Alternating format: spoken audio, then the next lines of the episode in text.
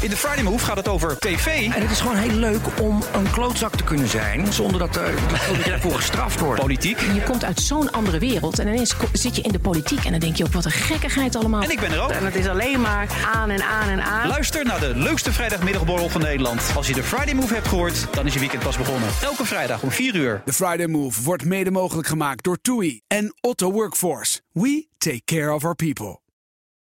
Politiek verslaggever Thomas van Groningen. Thomas, een heel goede middag. En goedemiddag. En je hebt Hoor een, je de eh, bel? ja, ik hoor de bel. Dit is voor, dit- nee, dit is de bel van de Tweede Kamer. Oh ja, dat moet gestemd worden, dat- toch? Dat hebben we, nou, dat is gewoon de opening van de vergadering. Nee, Oh, de stemmingsbel duurt een minuut. Dan hoor je een minuut lang die bel. dit is een probleem. Wij zijn verhuisd naar een tijdelijk Tweede Kamergebouw. En iedere ruimte in het gebouw heeft een bel. Ah. Eh, alleen, we hebben gevraagd, kan die bel dan uit in de studio? Want het is niet zo handig als dat een keer in de uitzending gebeurt. Was het tot op heden niet gebeurd? Nou, Nou, dit is, eh, eh, Waar zit je computer says no? ja. Goed, Goed. ehm, ehm, je hebt een volle dag, Thomas, kunnen we zeggen. Eh jij Ja. was vanmorgen bij de aanbieding van de klimaatnota aan de Tweede Kamer. Die zat in een koffertje. Dat was voor mij nieuw, dat koffertje. Klopt dat het is voor het eerst dat er zo'n nou, koffer, zeg maar, gerust is? Ja, het is in de klimaatwet opgenomen dat, dat, dat, dat het kabinet het moet presenteren. eh, De klimaatnota, waar al die cijfers en ook die onderzoeken in zitten aan de Tweede Kamer. En daar hebben ze nu dus echt een koffertje van gemaakt. Komt geloof ik uit de koker van GroenLinks. Een soort van klimaatprinsjesdag heb je dan. Ja, Ja. het was eh, wel een eh, slecht nieuwsdag. Hè? Er waren geen koopkrachtcijfers die ze eventjes konden, konden Maar ja, bijplussen. de, de conclusies is, en dat is, een heel, dat is een hele trits aan organisaties die die cijfers aanleveren. Van het, van het Planbureau voor de Leefomgeving tot het CBS, tot de afdeling advisering van de Raad van State. En dan is de eindconclusie: de klimaatdoelen die de Nederlandse regering zichzelf overigens heeft opgelegd, hè, die 49 procent. Dat is trouwens al weinig, komen we zo nog wel even op. Die gaan we niet halen, want de bandbreedte waarin de CO2-reductie nu zal eindigen in 2030 ten opzichte van 1990 is ergens tussen de 38 en 48 procent. Dus zelfs in het beste geval hou je komen niet. we een komen een procent tekort. En ja, dat was toch wel een, een, een bittere boodschap vandaag aan de Tweede Kamer. Ja, we redden het niet. En, en Thomas, dan zou je denken, dan komt er een waslijst aan nieuwe maatregelen. Ja, en dat is dus niet zo, want we zitten gewoon in een formatieperiode. Dus het kabinet is eh, demissionair. Het is weliswaar missionair op corona, maar klimaat zit daar niet in.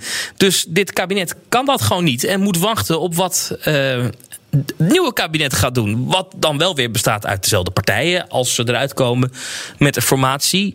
Toevallig wordt er vandaag in Hilversum nog een hele dag vergaderd eh, door die vier partijen: VVD, CDA, D66 en ChristenUnie. Maar ja, tot frustratie van een deel van de Tweede Kamer. eh, ja, komen er dus geen eh, nieuwe maatregelen nu direct. Maar dat zal een nieuw kabinet gaan doen. Ja. En ja, het is wel een beetje pijnlijk dat die 49% niet gehaald wordt. Maar we weten dat dit kabinet wel in Brussel aan het lobbyen is. voor een hoger klimaatdoel, namelijk 55%. Dus ja, dat is er dan ook nog niet. Er moet echt nog wat gebeuren. Jij sprak ook met de verantwoordelijk staatssecretaris, Dylan Jesselgus. Eh, want zij ziet het allemaal niet zo somber in. Laten we er even kort naar luisteren. Nou, er zal sowieso meer nodig zijn, want de doelen, er komen hogere doelen vanuit Europa. Dus eh, dit is niet vandaag een verhaal van we zijn er al. Maar het is wel een iets optimistischer verhaal dan we, we hebben het zomaar niet gehaald en er gebeurt niks. Eh, de, de, het planbureau laat nu zien dat we heel dicht bij die 49% aan het komen zijn. Die geeft nu een bandbreedte tussen 38 en 48%. Wat voorheen was het 30 en 40%. Dus we hebben een heel groot gat ingehaald, als ik het zo mag zeggen. Het planbureau constateert ook, nou, eh, je hebt ook een plan ingediend in augustus. Dat hebben ze nog niet kunnen berekenen natuurlijk, doorrekenen, want dat is net ingediend. Daar zal enkele megatonnen uitkomen. En we hebben ook al plannen die in werking zijn gezet, die het planbureau nog niet heeft kunnen berekenen. Zoals eh, CO2-eisen, normen aan gebouwen die niet woningen zijn, zoals eh, bedrijfsgebouwen en panden.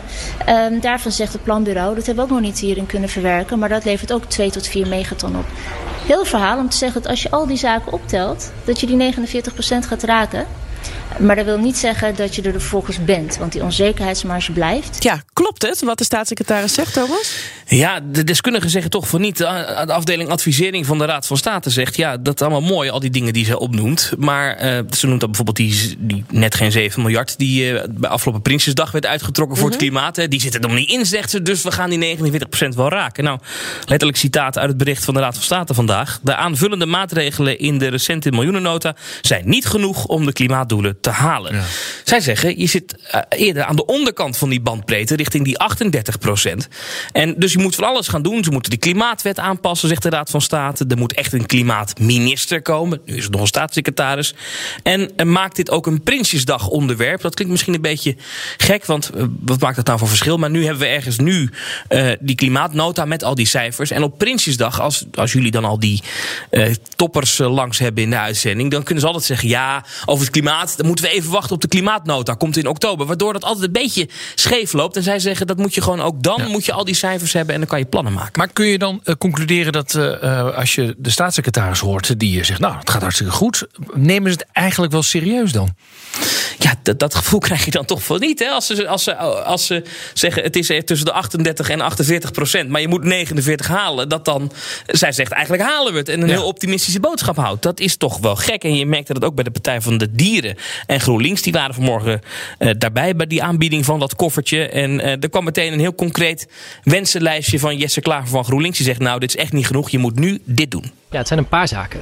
Eén is, je kan de kolencentrales zou je al versneld kunnen, zou je al kunnen kijken of je die nog versneld kan sluiten.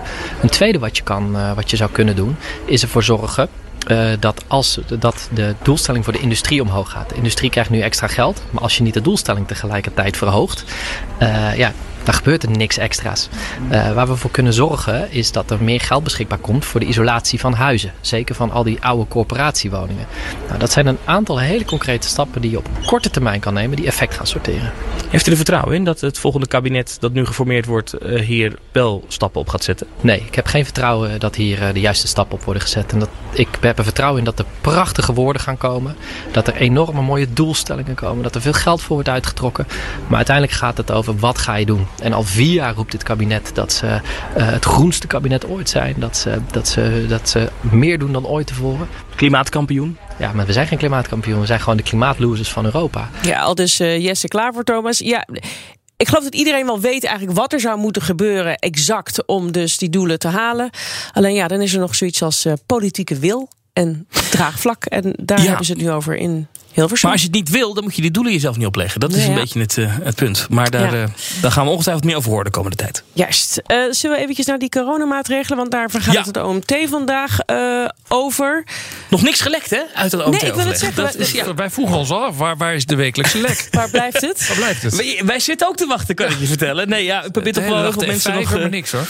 nog te benaderen. Nee, ik krijg deze vraag heel de dag door. Ook van mensen in mijn omgeving die dan altijd denken van... oh, Thomas weet het wel. Ja, het- we weten het echt niet. Er liggen een aantal dingen op tafel. Wat wel iets is, wat we horen dat echt serieus op tafel ligt... waar nu over gesproken wordt door het OMT...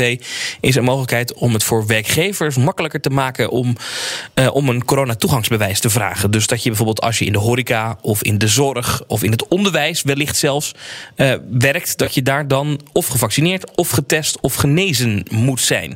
De vraag is of dat zin heeft... en dat moet het OMT dus vandaag Nou ja. eh, beantwoorden. Dat is in ieder geval wat we horen dat op tafel ligt. Nou ja, en dan moet je ook nog even met eh, de privacywaakhond gaan praten. Want die zitten met Europese regelgeving, eh, toch? Daarom, dus dit wordt een. eh, ja, alleen het ding is aan een QR-code kan je niet zien of je gevaccineerd bent of dat het misschien een test is geweest. En dat Ja. is dan de, de discussie. Maar dat, dat, is wel. En er zijn natuurlijk heel veel landen in Europa die dit al hebben doorgevoerd. Hè. Die, Italië bijvoorbeeld moeten alle werknemers het al laten zien. Ik heb nog niks gelezen overigens. eh, Van berichten vanuit de commissie die zegt eh, Italië kan niet. Doe dat dus niet. Nee, Dus, dus wellicht dat Nederland hier in ieder geval over nadenkt. Dat is wat we nu horen. Of het er ook komt en of het OMT dat ook echt gaat adviseren vanavond. We weten het niet. Het lijkt erop dat het OMT het advies pas vanavond laat naar eh, het kabinet gaat. En die hebben dan morgen ministerraad. Dus dat zal een belangrijke ochtend worden. Wordt het morgen gelekt. Dat denk ik. Ja, voor de lunch? Nou, nou, meestal zijn ze pas klaar na de lunch. Oké, oké. Goed, dan gaan we nog eventjes naar het, eh, het laatste onderwerp. Heeft te maken met het onderzoek naar de evacuaties uit eh, Afghanistan. De Tweede Kamer heeft opdracht gegeven om daar onafhankelijk onderzoek naar te doen. En wie is het geworden? Eh, Frank de Graven die gaat het leiden. Ja, Haagse bronnen die bevestigen dat ook inmiddels. Een bericht was het eerder van RTL Nieuws. Maar ja, opmerkelijk is dat wel, want de Graven was in het kabinet Kok 2 van 98 tot 2002 minister van Defensie. En dus zie je meteen een aantal Kamerleden, bijvoorbeeld Dirk Boswijk, die zegt: Ja, dit lijkt mij niet onafhankelijk. Eh Kati Piri zegt volstrekt ongepast dat een oud minister van Defensie naar voren wordt geschoven om een onderzoek te leiden naar wat er misging bij Defensie. Uh, dus je merkt in de Kamer daar toch veel vragen over. En het kabinet moet er nog even antwoord op geven. Over hoe zij dat nou zien. Waarom een oud-minister van Defensie dit mag doen. Aan de andere Mhm. kant kan je denken. Ja, uh, 2002. Ik was toen 12. Met alle respect. Het is wel heel lang geleden.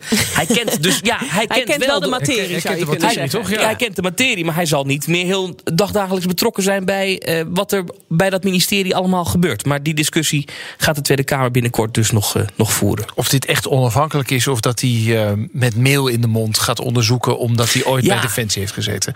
Zou je dan niet eh, iemand echt van buitenaf moeten halen die dan echt kritisch durft te zijn, die misschien echt hard durft uit te halen naar die defensieorganisatie, wat er allemaal misgegaan is?